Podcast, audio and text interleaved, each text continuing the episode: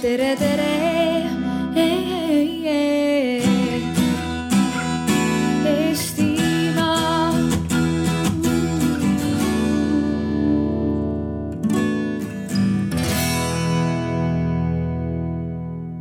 И всем э, добро пожаловать на симуляционную игру по принятию решения в НАТО.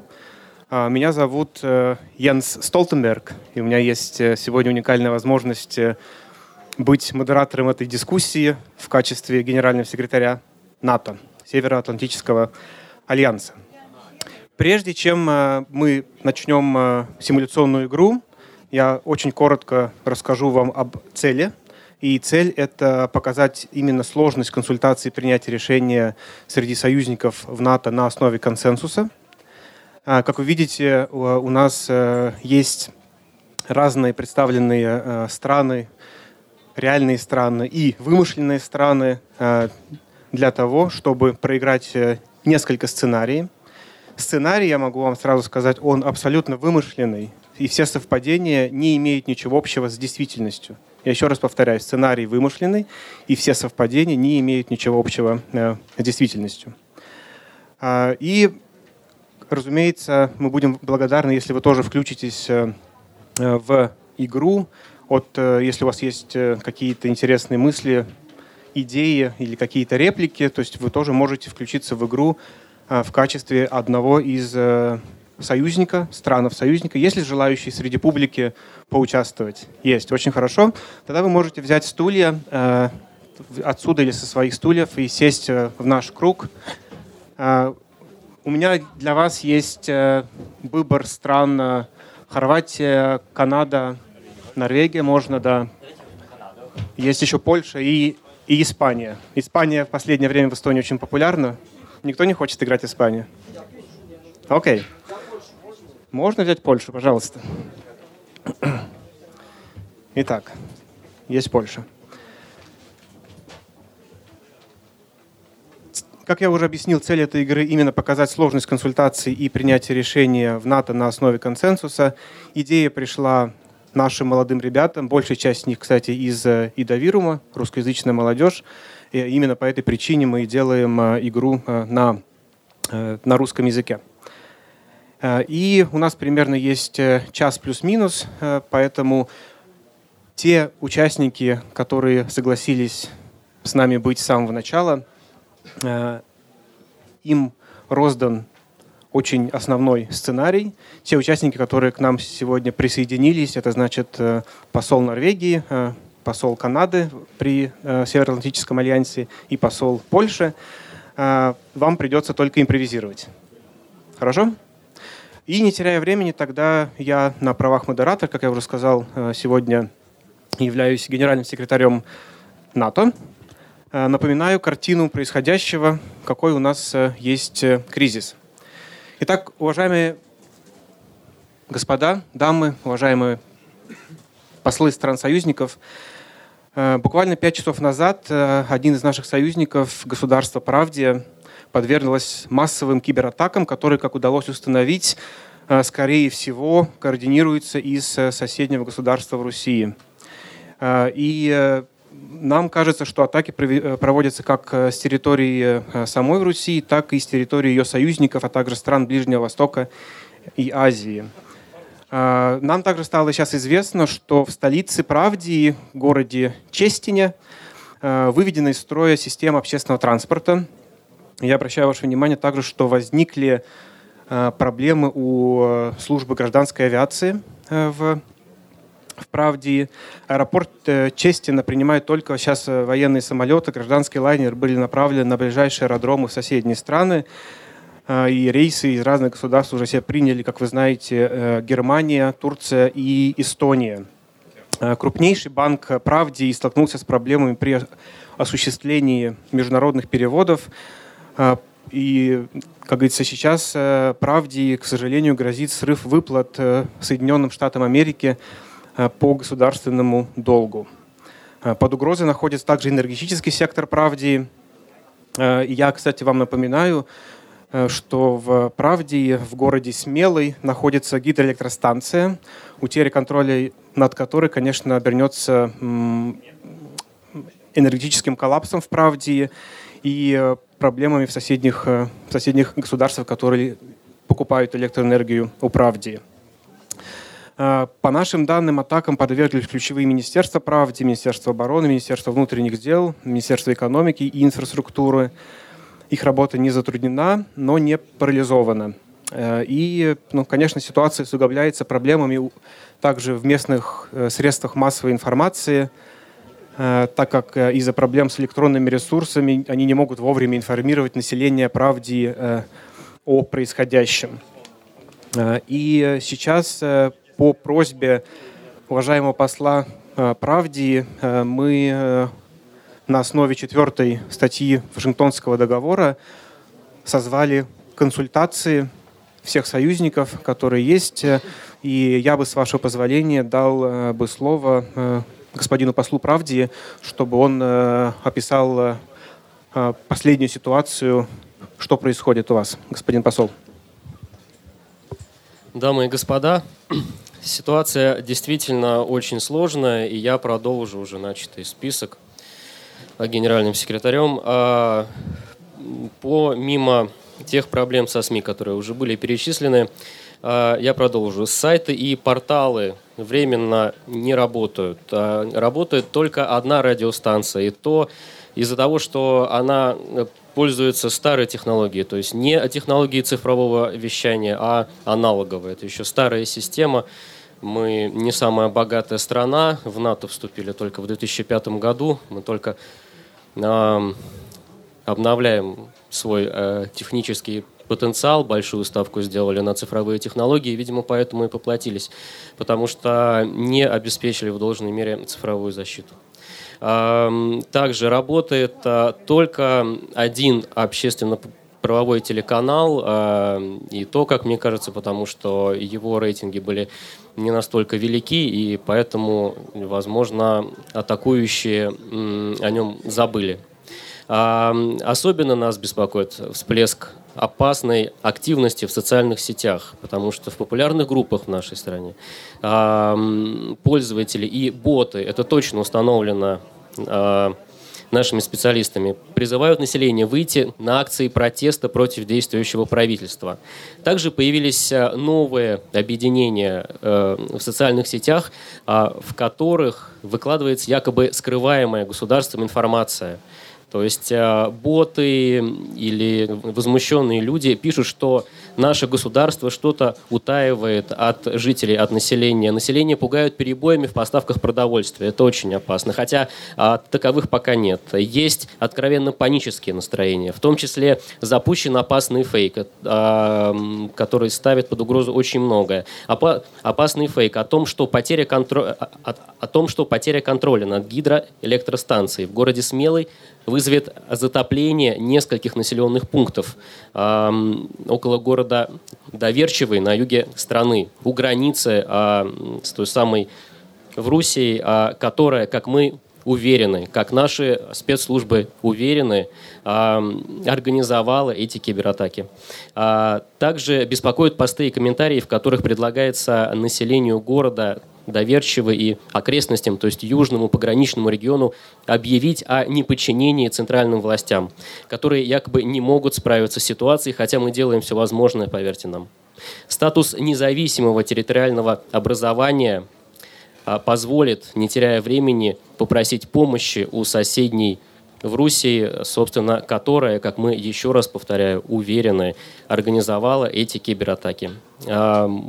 Поэтому Поэтому мы, пользуясь статьей 4 устава, а, собрали вас, обратились к вам за советом и помощью. И думаем, что, скорее всего, придется нам сейчас рассуждать о статье 5, как все вы знаете. Господин посол, я благодарю вас э, за ознакомление, да, за вступление, что мы более четко понимаем ситуацию сейчас у вас в стране, в правде. Э, на самом деле, после того, как вы обратились э, в Совет НАТО, мы тоже старались выйти на связь с Россией, э, чтобы получить хотя бы хоть какую-то реакцию на те события, А, и э, по моим данным, э, э, значит, МИД в Руси полностью отрицает свое вмешательство и заявляет о беспочвенных обвинениях со стороны правды. А, и перед тем, как мы собрались, мой офис разослал всем вам, дамы и господа послы, заявление МИДа иностранных дел в Руси. А, и вы его, наверное, почитали, я просто его коротко сейчас э, зачитаю, что МИД иностранных дел э, в Руси выражает серьезную обеспокоенность, конечно же, происходящим в правде. Вот, э, они говорят о том, что они готовы, как говорится, начать эвакуацию своих граждан из правды, если это будет как говорится, необходимо. Также МИД в Руси выражает надежду на скорейшее преодоление кризиса. Так, и Э, они говорят, что в Честин э, были уже, кстати, направлен официальный запрос на прибытие спасательного борта. Э, то есть, я как понимаю, в Руси готова оказать всю возможную, как говорится, помощь. И, но полностью отрицает, конечно, свое, свое, свое вмешательство. И отдельно МИД в Руси подчеркивает и ну, выражает крайнее возмущение попыткам некоторых СМИ и недружественно настроенных по отношению э, к Руси политиков э, очернить эту, эту страну. Э, то есть все спекуляции, конечно, они отвергают, и поэтому мы, кстати, сейчас имеем очень неоднозначную ситуацию, поэтому мы вот именно и собрались. И мой, как говорится, первый вопрос, уважаемые послы стран-союзников, Э, что вы думаете об этой ситуации? Должны ли мы как-то помочь правде, э, если у нас, по сути, пока речь не идет э, о военном вмешательстве. Я напоминаю, что НАТО, конечно, ну, не только военный, но и политический союз. И поэтому сейчас я хотел бы услышать мнение стран-союзников. Мы начинаем тогда с Соединенных Штатов. Господин посол Соединенных Штатов, пожалуйста, ваша позиция по данному вопросу.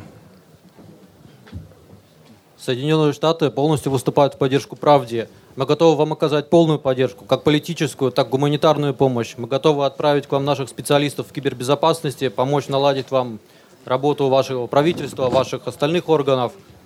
И если на то будет Э, развиваться ситуация дальше, мы не исключаем тоже того, что мы воспользуемся пятой, пятой статьей договора НАТО и поможем вам военным способом.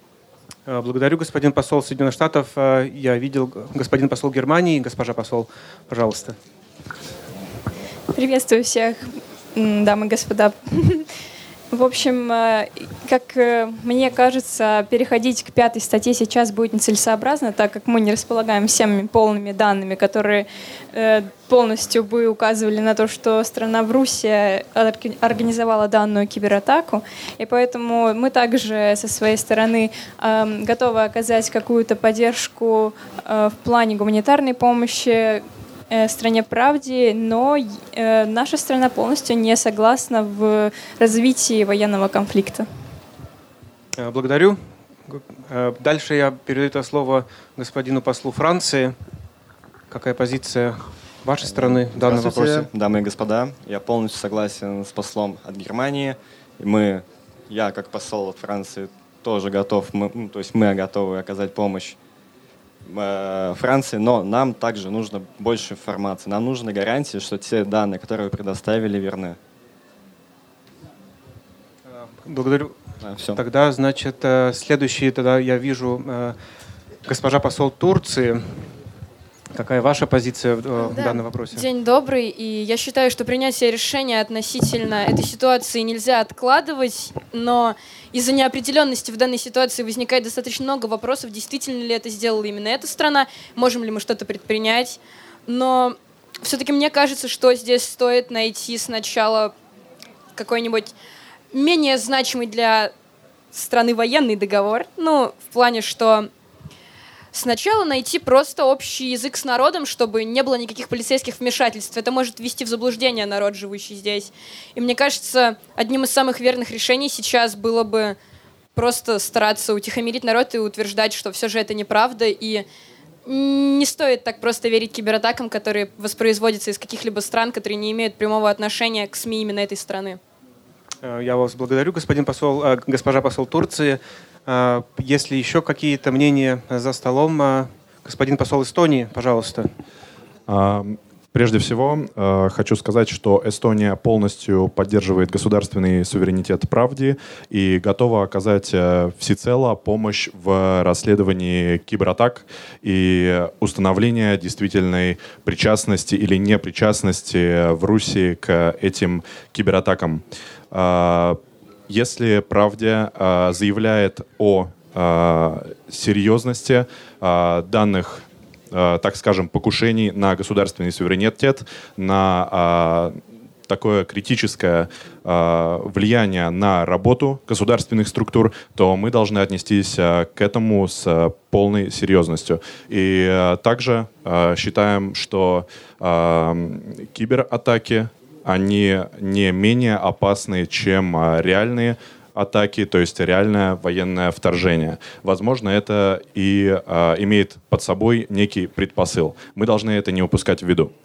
Э, конечно же, э, также я отчасти согласен э, с позицией Турции, посла Турции, э, что э, сейчас нужно одна из основных целей э, диалог с населением и диалог с населением, в особенности южных областей в избежании фейков, в избежании провокаций государственные власти должны именно на местах уже сейчас проводить работу с гражданским населением и доносить до гражданского населения информацию, которая идет сейчас каналах информационных. Благодарю вас господин посол э, Эстонии. И я напоминаю нашим союзникам, что в, в Эстонии, кстати, находится э, Центр компетенции НАТО по э, кибербезопасности. И, конечно, если мы все с вами считаем нужным расследование этого инцидента в правде, то, я думаю, специалисты НАТО и также специалисты из центра, который находится в Таллине, Эстонии, могут оказать абсолютно всю помощь правде в этой ситуации, но мы не выслушали еще всех союзников. Пожалуйста, господин посол Норвегии. Э, здравствуйте, добрый день. Я от имени Норвегии заявляю, что мы на все сто процентов находимся на стороне правды, однако мы считаем, что эскалация военного конфликта неприемлема в данной ситуации, поскольку мы не обладаем стопроцентной информации о том, кто является нападающим. Возможно, это вообще какие-нибудь левые хакеры, которые решили так сказать, позабавиться. Однако мы готовы предоставить гуманитарную помощь, если все-таки в правде народ э, не найдет общий язык с государством, точнее, государство не найдет общий язык с народом и будут жертвы и так далее. Спасибо. А, благодарю, господин посол Норвегии. А, если еще а, мнение, так, господин посол Великобритании. Я полностью поддерживаю политику США. Сейчас мы можем предоставить правде и свою гуманитарную помощь, и... а есть такое предложение вести разведку в воздух, чтобы просканировать зону, откуда была нанесена атака. Э, я просто уточню, господин посол, вы имеете в виду произвести э, военную разведку на территории... Э, в Руси. В Руси. Так, ну мы, мы услышали позицию Великобритании. Благодарю, господин посол. Так, после этого была еще желание высказаться у господина посла Канады. Пожалуйста. Уважаемые послы, от имени Канады мы выражаем полную солидарность государству правде, поддерживаем в данной ситуации точку зрения Турции и Эстонии про информированное население. Мы предлагаем использовать для этого единственный оставшийся федеральный телеканал, который, как мы поняли, остается под контролем правительства. И в плане военной гуманитарной помощи, конечно же, Канада готова ее оказать, но мы считаем, что наиболее необходимой сейчас является ситуация вокруг гидроэлектростанции – и Канада готова оказать помощь, чтобы не допустить вывода электростанции из действия, из эксплуатации, чтобы государство правде не осталось без основного энергоресурса, без электричества. Э, благодарю, господин посол Канады. Э, прежде чем мы перейдем к э, господину послу Польши, я понимаю, у госпожи посла Германии было какая-то позиция по поводу... Да, скажу несколько слов. Э, полностью солидарна с э, господином послом из Норвегии, а также из э, тех, кто поддерживает все-таки мир Ведь не забывайте, что на территории НАТО как раз-таки мир необходим, и нам нужно сохранить единство. И также мы же не только военный альянс, и не забывайте о том, что мы политический, и нам нужно идти э, путем э, более весомых аргументов, ведь Германия не поддержит э, развязывание военного конфликта и его эскалацию, основываясь на каких-то фактах, которые не полностью подтверждают вину в Руси. Спасибо. Э, так, я благодарю тогда э, вас, госпожа посол, за позицию. Господин посол Польши, а, как слово. представитель Польши хочу сказать, что э, с большим уважением относимся к высказанным позициям, однако наш взгляд э, несколько другой. Э, государство Польша, несколько раз терявшее свою независимость в результате сложных исторических процессов, э, с обостренным вниманием относится к подобной ситуации. Э, на мой взгляд, тревожным является то, что мы идем вслед за событиями, мы слабо прогнозируем события, и мы не работаем на опережение ситуации и на будущее – в связи с этим, э, мне кажется необходимым, во-первых, э, срочная комиссия. Комиссия штаба НАТО должна проверить данные спецслужб правди о том, что в Руси поучаствовала в дестабилизации. Причем здесь нужно ставить конкретные сроки. Это не может затягиваться бесконечно. Второй этап вслед за этим э, нужно по линии Совет НАТО в Руси провести консультации с Руси и задать ей соответствующие вопросы, которые могут возникнуть в ходе первого пункта. Третье.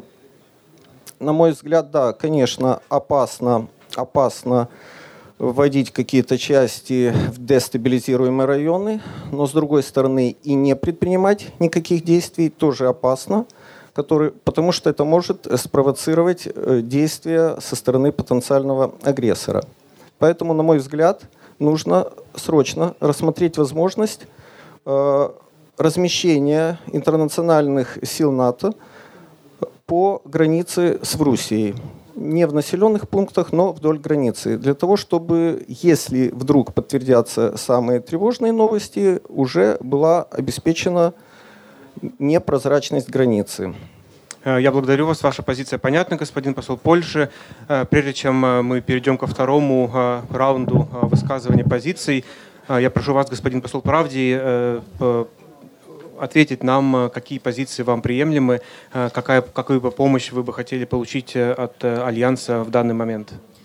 Я благодарю своих коллег, но хочу вам напомнить, что сейчас нам нужно в первую очередь решить задачу тактического свойства.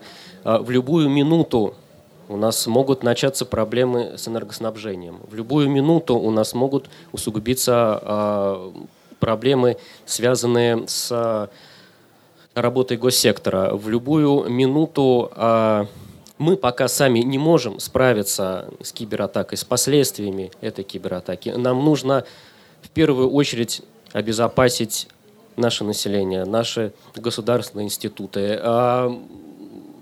Боюсь показаться некорректным, но расследование инцидента, сбор комиссий, а, выяснение, дополнительные консультации – это уже следующий шаг.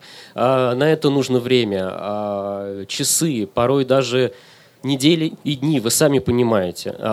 Мы ждем большой беды сейчас и каждую минуту. Я особенно благодарен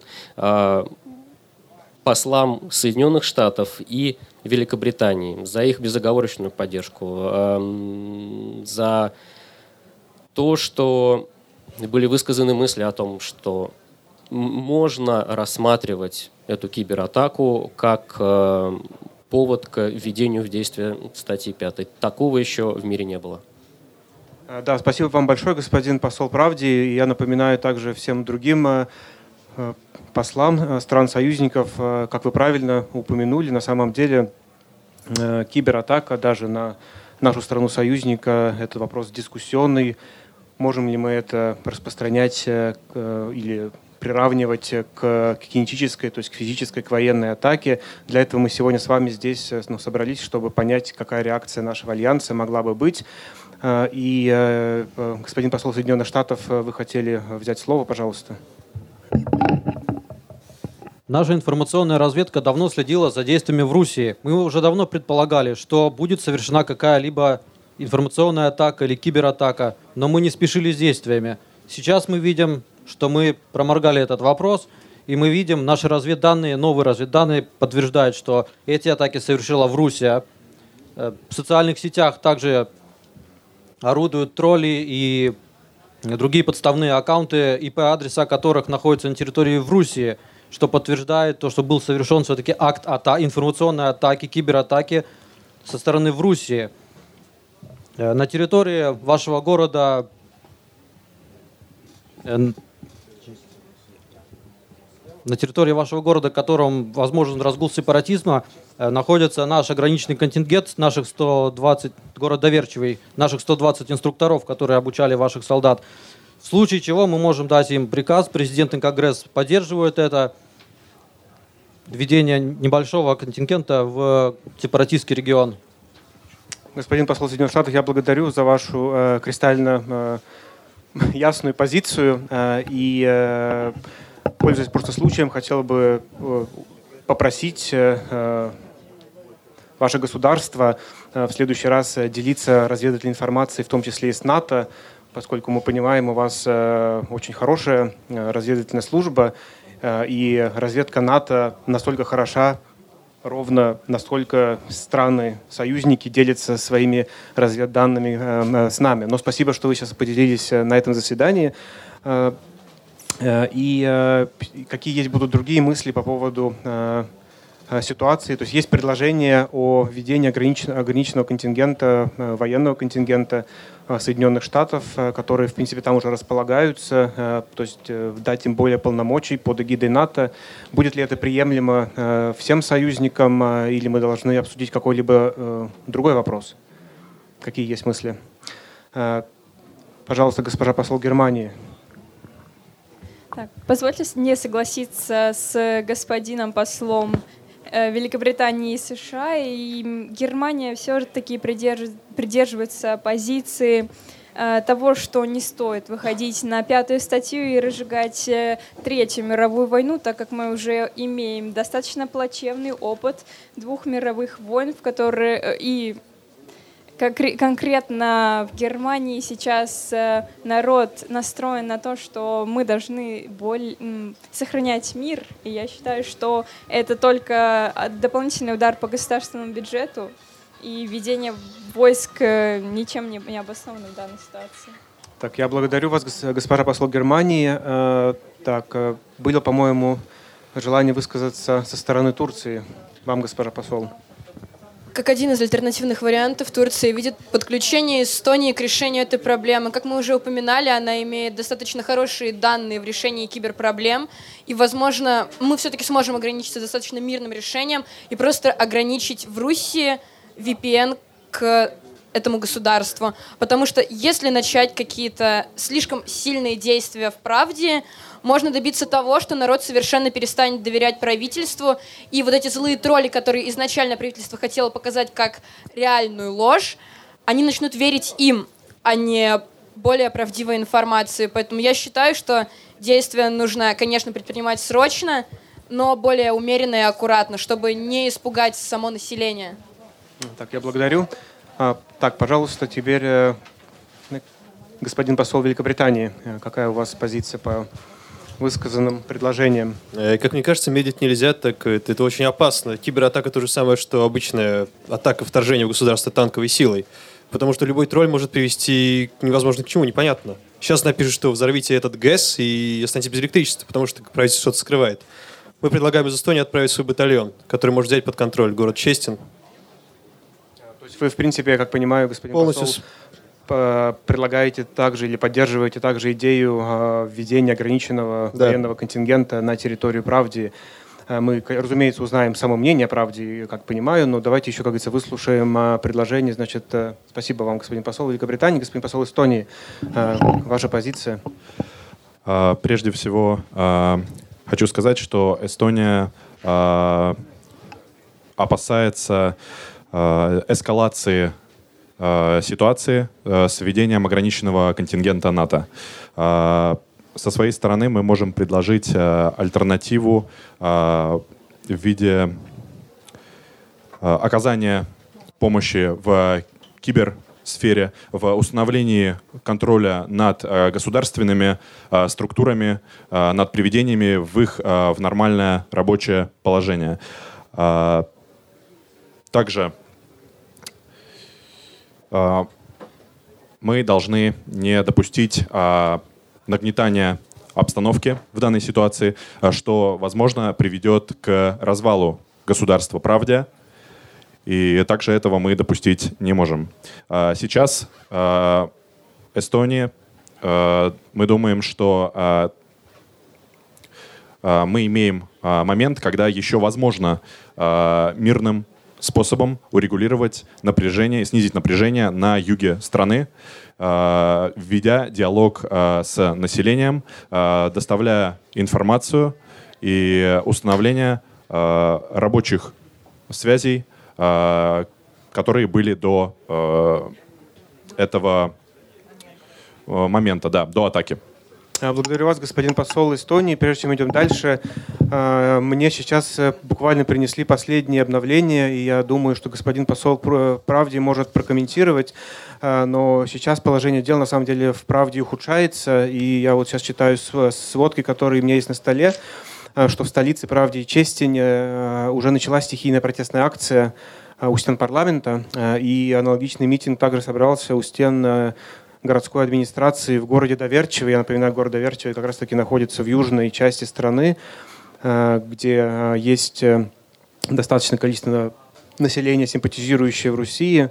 Так и вот они требуют, чтобы к ним вышли представители власти и ключевые министры, Э, доверчивым, в городе доверчивым э, к лозунгам добавились еще требования пропустить через границу колонны со спасателями и военными из Руси. Есть э, огромные перебои с электричеством. И да, воздушная гавань в чести не перестала принимать гражданские рейсы, даже уже в ограниченном объеме. То есть появились сообщения про отказы банкоматов и платежных терминалов господин посол Правди, э, я читаю и на самом деле очень э, как говорится, беспокоюсь за ситуацию в вашей стране. Какие у вас сейчас есть данные? И э, прежде чем мы перейдем дальше к обсуждению возможных акций, пожалуйста, расскажите, чем вы обладаете сейчас. Дамы и господа, вы сами видите, буквально за время нашего заседания ситуация резко обострилась. К этому я могу добавить то, что несмотря на некоторые успехи, на то, что в столице нашего государства удалось э, восстановить работу общественного транспорта, вы видите, что начались протестные акции. Вы видите, что ситуация ухудшается. Мы, вы видите, что начались перебои с энергоснабжением. Это то, чего мы все боялись.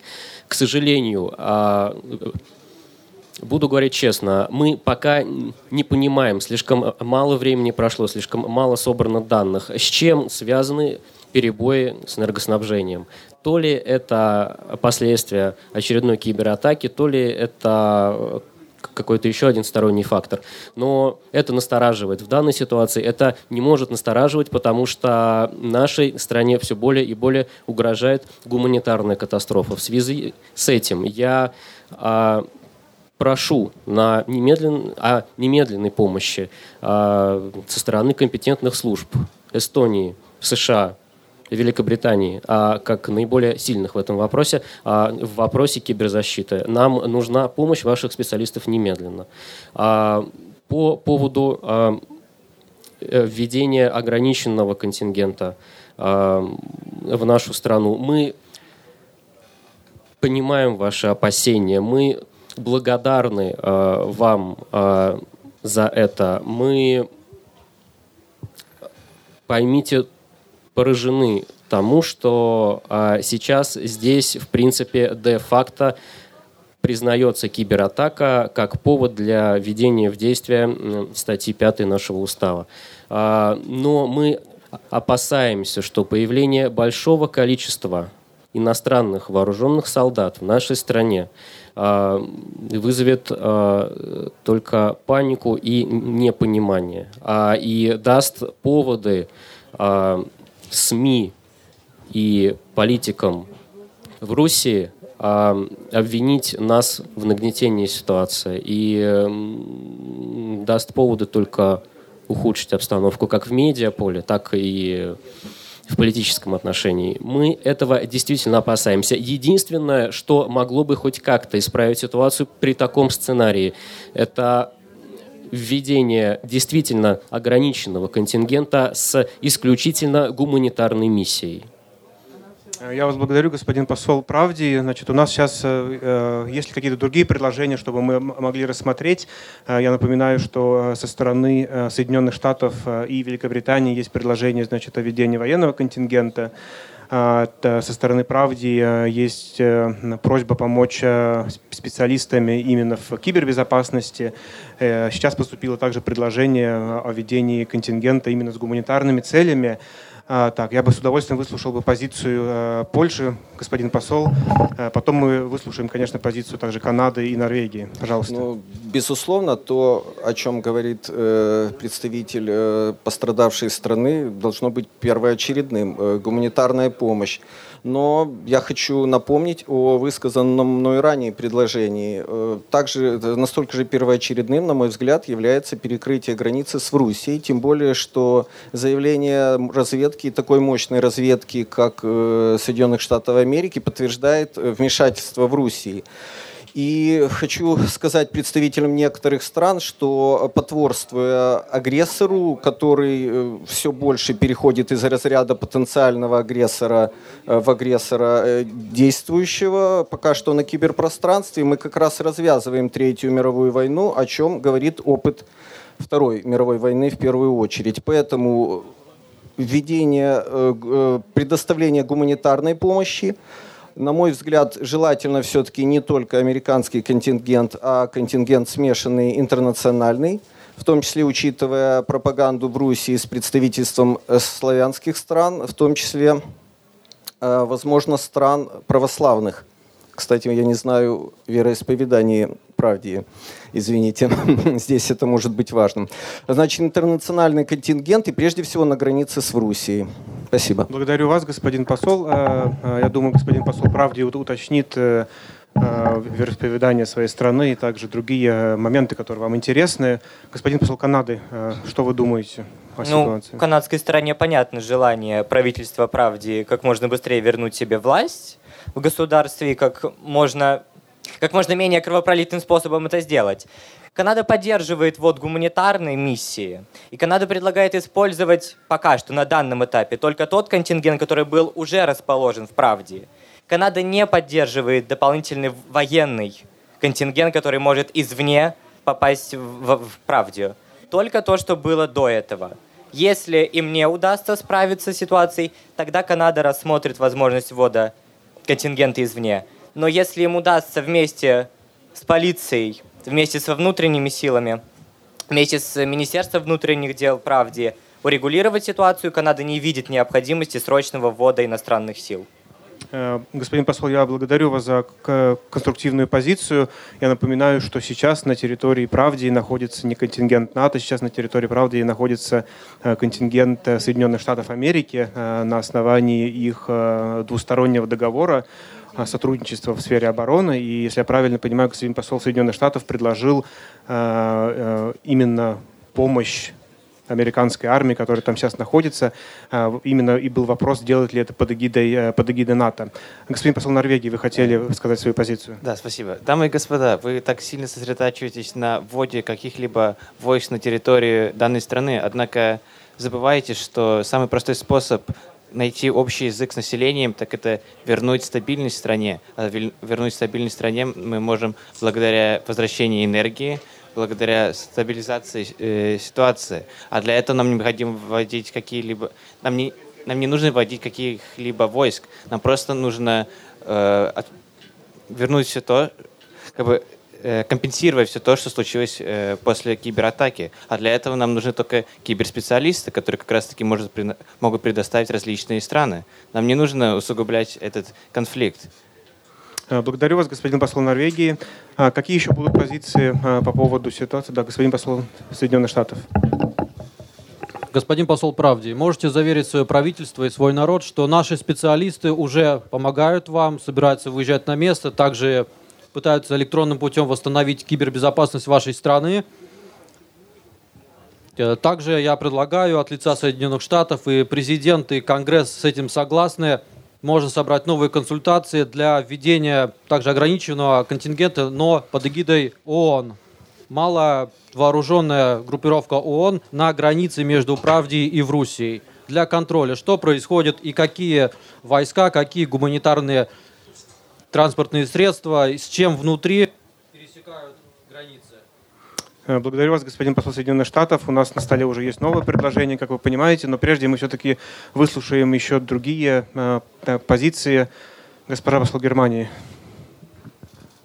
В данной ситуации я отчасти поддерживаю господина посла США, но я считаю, что в данный момент э, для страны правде актуальна все-таки поддержка гуманитарная, так как население страдает из-за того, что э, в вашей стране случилась данная кибератака. И я от лица э, страны Германии заявляю, что мы предоставим вам гуманитарную помощь и обеспечим ваше население как минимум первым необходимыми вещами вами. Э, благодарю, госпожа посол Германии. Я заметил, э, есть позиция у Великобритании, господин посол. Э, я полностью не согласен с политикой Германии. Пока мы медлим, там может начаться хаос. Господин посол, правде, в ваше воздушное пространство сейчас из Великобритании прибудет два самолета-разведчика, которые возьмут под контроль кибератаки. Благодарю, господин посол Великобритании. То есть, как я понимаю, союзники стали предпринимать э, действия э, на основе двусторонних договоров. Как вы понимаете, даже устав НАТО говорит не обязательно о коллективном участии в безопасности. Оно может быть также оказано только определенными союзниками. И если я правильно понимаю, то Великобритания и Соединенные Штаты готовы оказать какую-то помощь вне зависимости от от мнения других, но я все-таки призываю вас э, э, всех, уважаемые господа и дамы, послы, чтобы мы э, выработали общую позицию, и у нас уже сейчас есть, как говорится, несколько вариантов. Было желание, господин посол Норвегии, я бы хотел дополнить то, что я говорил в прошлый раз. Многие э, государства сейчас хотят вмешаться в военном плане, однако мы считаем, что если мы компенсируем все то, что потеряла страна после кибератаки, это как телевидение, интернет, электричество, то народ, который как раз-таки является главным э, нашим поводом тревож, э, тревоги, разбежится по домам потому что все вернется на свои места. Да, у них будут сомнения, однако эти сомнения можно будет уже рассеять после того, как пройдет, ну, пройдет некоторое время, и страна сможет объяснить, почему так случилось, и как мы это допустили, и как мы планируем отныне бороться с этими упущениями и дырками в нашей обороне. Хорошо, я благодарю вас за эту позицию, господин посол Норвегии. Мне только что принесли э, экстренное сообщение от Министерства иностранных дел в России. Э, я его вам зачитаю очень коротко. Э, МИД в э, призывает власти правде не медлить с принятием решений, от которых может зависеть жизнь, здоровье и благосостояние ее граждан. Э, э, и МИД в России утверждает, что их разведслужбы располагают э, данными о затяжной, тщательно спланированной кибератаке на правду и другие государства НАТО, которые, по их утверждению МИДа в Руси, были на самом деле скоординированы из одной а, а, стран Ближнего Востока с использованием разных мощностей в азиатских государствах, а также в Африке. Это сообщение пришло только что из МИДа, из МИДа в России.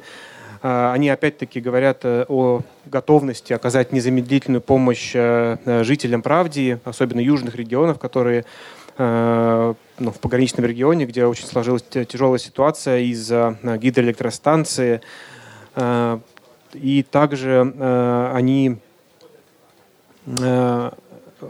готовы ответить, кстати, на не любые, любые недружественные действия стран-членов Альянса из-за беспочвенных обвинений в России в кибератаках на, на Правдию. МИД в России говорит о возможности заморозки совместных экономических и инфраструктурных проектов и широких экономических санкциях. Уважаемые дамы и господа послы, у нас э, э, ситуация накаляется, потому что МИД в России говорит о том, что э, также э, они готовы э, прервать отношения э, и в международных компаниях, что затронет, как банковский сектор. Э, то есть э, вот такая сейчас есть ситуация. Господин посол Правди, что вы можете сказать? А, я прокомментировал бы это так. А, дамы и господа, вы сами видите, что угрозы в Руси а, не общего порядка. На самом деле они касаются каждого из вас в отдельности. Не секрет, не секрет, что так или иначе у каждой из наших стран а, есть и были какие-то интересы а, экономического свойства, в первую очередь с, в России. А, у кого-то поставлен на кон очень большой и дорогостоящий контракт на поставку энергоресурсов, если я не ошибаюсь. У кого-то банковская система связана и э, взаимодействует очень хорошо и получает большую прибыль от э, работы с Руси. Э, все это сейчас, по сути, поставлено на карту. Я думаю, что это не случайно. Это это давление, которое оказывает в Руси сейчас на всех нас. А, со своей стороны, а, я снова в первую очередь прошу а, усилить помощь цифровых специалистов помимо Соединенных Штатов, которым мы безмерно благодарны. Мы просим большей помощи, потому что пока наши СМИ и коммерческие, и общественно-правовые не могут добиться прорваться к нашему жителю, к нашему зрителю. И поэтому продолжаются спекуляции на якобы э, возможной катастрофе с ГЭС. Еще раз повторю, а даже если она выйдет из-под контроля, даже если страна останется без электричества, не произойдет затопление а, известной территории, а, о чем сейчас в том числе сообщают а, на своих каналах СМИ в Руси. Напомню, что СМИ в Руси покрывают а, зону покрытия радиосигнала, телесигнала, а, покрывают всю территорию нашей страны. Я благодарю вас, господин посол Правди. А, господин посол Канады, пожалуйста, ваша позиция. Ну, Канада видит такое резкое обострение ситуации и предлагает развитие ситуации через два шага. Первое. Мы видим, что нас здесь очень много. И Канада не видит смысла кидаться на довольно ограниченную территорию государства правде всем вместе. Давайте разделимся и посмотрим, кто из нас в чем более силен. Канада предлагает от Эстонии ввести на территорию правде киберспециалистов. От Великобритании и США, если это необходимо, военный контингент. И тогда остальные члены Альянса ведут гуманитарную помощь. Это первый шаг. Ну и второй шаг, если государство в Руси собралось объявлять какие-то санкции, да, каким-то образом влиять на экономическую и политическую ситуацию в, в, в, в, это, в правде иными способами, не надо ограничиваться только альянсом североатлантическим. Канада предлагает созвать внеочередное заседание Совета Безопасности ООН и решать уже в более расширенном масштабе. Не надо кидаться в омут с головой, и не надо брать на себя слишком многое потому что развитие со- событий, да, может быть очень неожиданным. И очень неожиданным для Альянса в первую очередь, и очень неприятным. Спасибо. А, благодарю вас, господин посол Канады. А, возможность э, разрешения этой конфликта в рамках Организации Объединенных Наций ООН уже звучала дважды, поэтому мы сможем это тоже рассмотреть. Сейчас бы я тогда выслушал позицию госпожа, господина посла Франции. Вы долго молчали, я понимаю, вы совещались с Парижем. Какие у вас значит, новости из Парижа? Всем опять здравствуйте. Я, я полностью согласен с послом Канады. Ну, как полностью? С его рациональным подходом, что каждая страна должна помогать в том, в чем она сильна. сильна. То есть э, мы должны взять помощь Эстонии, точнее попросить, э, э, чтобы они помогли э, пресечь все кибератаки. Соответственно, это сразу решит проблемы с медиа, и какой, каким образом э, напряжение спадет. Также я о, э, не согласен с послом Великобритании, э, с его э, аргументами. Он, он лишь только обостряет ситуацию. И мне кажется, что это, это приведет лишь к, к Третьей мировой войне. А это дорого, и это не надо. Я все. Спасибо, господин э, посол Франции. Merci beaucoup. Э, так, э, они молодцы, да. Ну, мы, мы их потом похвалим. Сейчас мы, значит, э, закончим, как говорится, раунд. Э, и сейчас э, я видел, была позиция госпожи посла Турции, и потом так господин посол Эстонии, Норвегии, и тогда мы должны будем прийти к какому-то консенсусу, потому что сейчас уже, как вы понимаете, 4 часа, 4 часа ночи. Вот. Собственно, хочу Хочу Итак. заявить о своем согласии Пожалуйста. с позицией как Норвегии, так и Канады но от себя хочу добавить, что сейчас важно поддерживать связь с народом. То есть почему, допустим, те же медийные лица правди, которые до этого появлялись в том же медиа, СМИ, не могут выйти сейчас и поговорить с народом. Мне кажется, для них это было бы очень важно. Они бы смогли разъяснить эту ситуацию более конкретно. Ведь так, создавая какой-то свой вакуум, в котором мы находимся, мы лишь ограничиваем от себя народ, который сейчас нуждается в нашей поддержке точно так же, как собственно, сам посол правди. Нам нужно поддерживать страну, нам нужно поддерживать народ, находящийся в ней.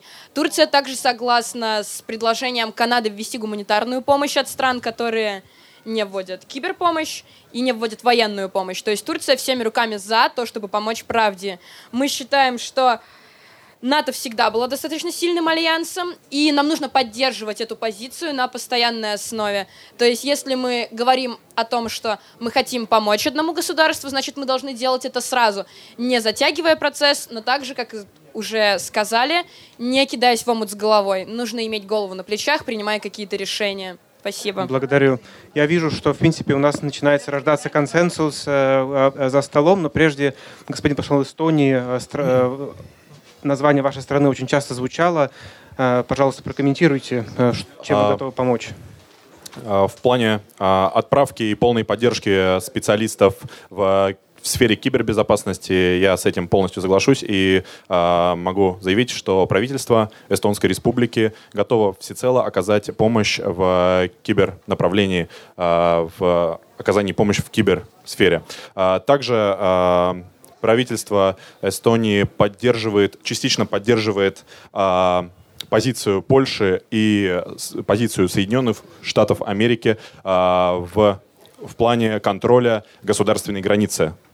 А, но почему частично? В том плане, что мы не приветствуем военную миссию стран НАТО, мы положительно относимся к к просьбе а, и созыве а, Совета Безопасности ООН и введения а, ограниченного контингента ООН на границу с, а, в Руси, дабы избежать а, продолжения а, распада начинающегося государства. Я благодарю вас, господин посол Эстонии, господин посол Норвегии. Э, э, дамы и господа, я хочу отметить тот факт, что уже неоднократно звучало предложение создавать ООН, однако я считаю, как член Североатлантического Союза, что это будет неправильное решение, поскольку тогда мы покажем, что мы не особо способны решать э, проблемы такого уровня. А если мы в будущем сумеем предотвратить кризис в правде правде, то мы продемонстрируем, что НАТО это действительно важный, э, важная вещь в нашей жизни. Также я хотел бы отметить, что э, Россия, в России заявила, что они не причастны к этой кибератаке. И я также слышал, что э, телеканалы в России достаточно мощ, мощные, чтобы вещать как раз-таки на страну, которая имеет кризис. Не хорошая ли идея воспользоваться помощью в России, если они помогут нам, если они нам разрешат использовать их государственные телеканалы и передать информацию в страну с кризисом, то тогда мы поймем, что они только готовы помочь, и это не они э, развязали данный конфликт. Если же они начнут отказываться от предложения помочь, тогда мы поймем, что они определенно замешаны в этом конфликте. И все-таки нельзя развязывать войну. Да, спасибо большое, господин посол Норвегии. Э, я дам слово господину послу Соединенных Штатов. Э, и напоминаю, что у нас, э, в принципе, за нашим столом находится три постоянных члена Совета Безопасности ООН. Это ваша страна, господин посол Соединенных Штатов, это Франция, это Великобритания. То есть, разумеется, НАТО не может обратиться в Совет Безопасности, но это могут сделать соответствующие страны, если вы считаете нужным, если правде вас об этом попросят. Мы здесь обсуждаем, как бы нам помочь НАТО. Я понимаю, есть консенсус по поводу Э, гуманитарной помощи, кто-то против гуманитарной помощи, или мы можем считать это принятым решением, консенсусом. Я попросил бы э, госпожу посла Германии прокоординировать вопрос оказания гуманитарной помощи правде э, и так далее. Но перед чем мы перейдем к другим вопросам, господин посол Соединенных Штатов, пожалуйста. Мы все видим, как в Руси нагло врет. Наши разведданные уверенно говорят, что в Руси совершила кибератаки, а в Руси утверждает, что это сделал Ближний Восток или Азия или кто-то еще – в ваших странах тоже есть внешняя разведка. Может быть, вы ее недостаточно финансируете, или у вас плохие специалисты. Спросите у них, что они говорят по поводу разведданных.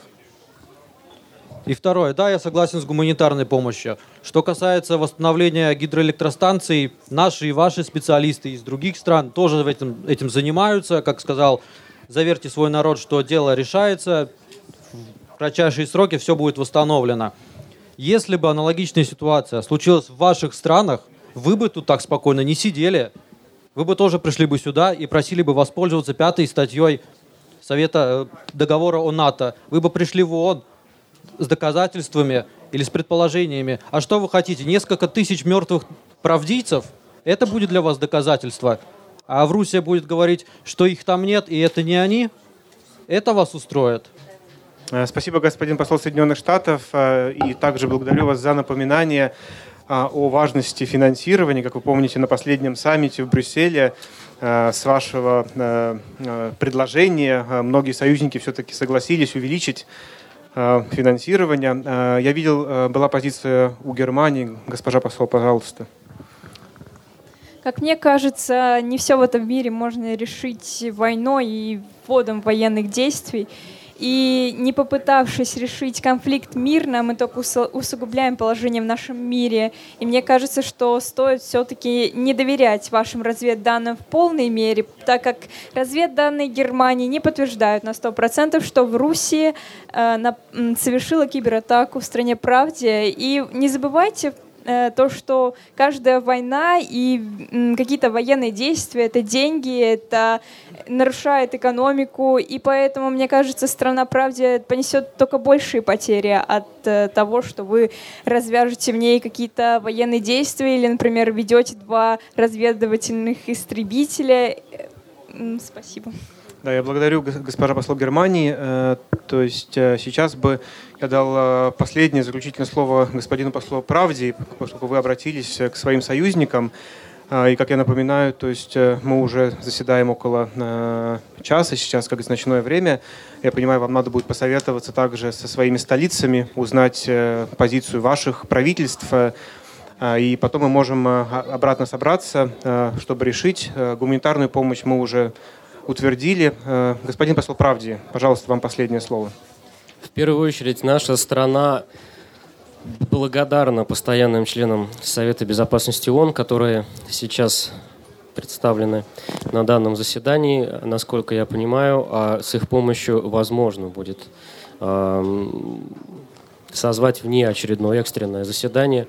А, мы сейчас рады любой помощи, любой международной огласке конфликта.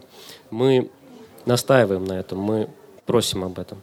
С другой стороны, а, как все вы знаете, а, сейчас на границе нашего государства уже находятся а, колонны спасателей и военных в Руси, которые готовы войти в нашу страну с под предлогом, как мы уверены, под предлогом гумани... оказания гуманитарной помощи. Что будет после того, как они пересекут границу, неизвестно. Если это обернется действительно захватническими военными действиями. Я хочу спросить сейчас каждого представителя каждой страны. Будете ли вы готовы воспользоваться, ввести в действие параграф 5? А, благодарю, господин посол Правди. А, для того, чтобы э, ваши союзники могли проконсультироваться со своими столицами, и, я как понимаю, я выношу также на обсуждение вопрос, который вы сможете уже уточнить в консультациях со своими правительствами. Вопрос звучал прямо. Готова ли ваша страна поддержать введение пятой статьи?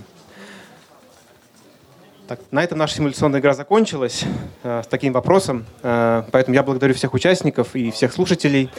Э, если у вас есть какие-то комментарии из зала, зал у нас, кстати, не очень многочисленный, но тем не менее, мы можем э, как говорится, выслушать короткий комментарий, но я просто попрошу всех поаплодировать, потому что ребята очень хорошо справились. Есть ли вопросы или комментарии из зала? Просто так интересно. Господа, э, у меня очень короткий, э, э, точнее, реплика. А, я как диссидент из Врусии, Хочу сказать, что вы, господа члены НАТО, немножко забыли великого президента Соединенных Штатов Рональда Рейгана, который ввел такое выражение «империя зла».